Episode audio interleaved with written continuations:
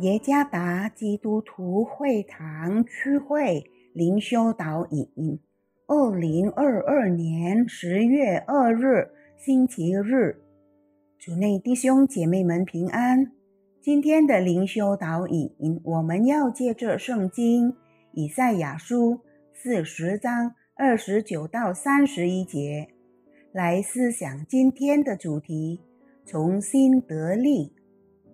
作者。李米萨传道，以赛亚书第四十章二十九到三十一节：疲乏的他赐能力，软弱的他加力量。就是少年人也要疲乏困倦，强壮的也必全然跌倒。但那等候耶和华的必重新得力。他们必如鹰展翅上腾，他们奔跑却不困倦，行走却不疲乏。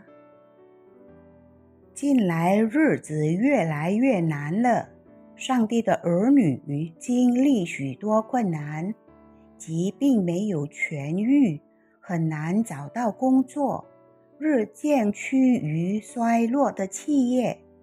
随着生活需求变得更加复杂，这些困难就会发生。这样的境况常常让我们感到疲倦、无助和犹豫不决。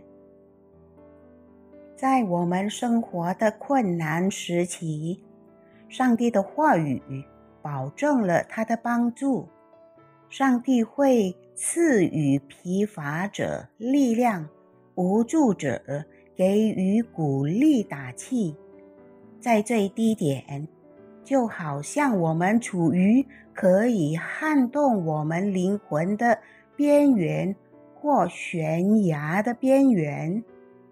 当我们的灵魂如此动摇，我们可以把希望寄托在上帝身上。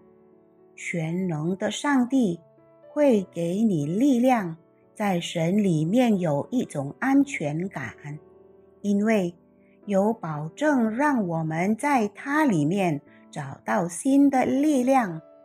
上帝的话语说：“疲乏的他赐能力，软弱的他加力量。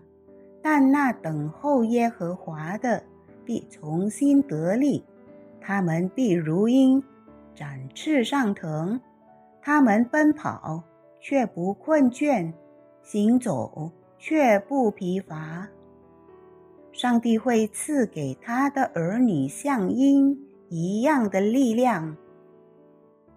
为什么这种力量被描绘成鹰的力量？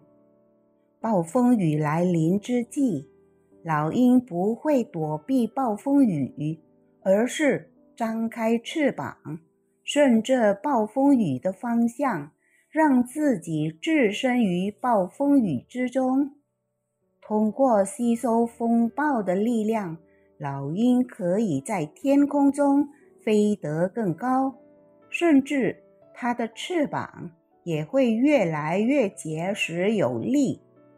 上帝的恩典足够满足我们，让我们有精神的面对每一个问题和挣扎。上帝的恩典使我们能够等待上帝的每一个最佳答案。圣灵会赐予我们新的力量，并为我们安排一切，作为神的应许的显现。神的恩典足以让我们对他感到兴奋和盼望。主耶稣赐福。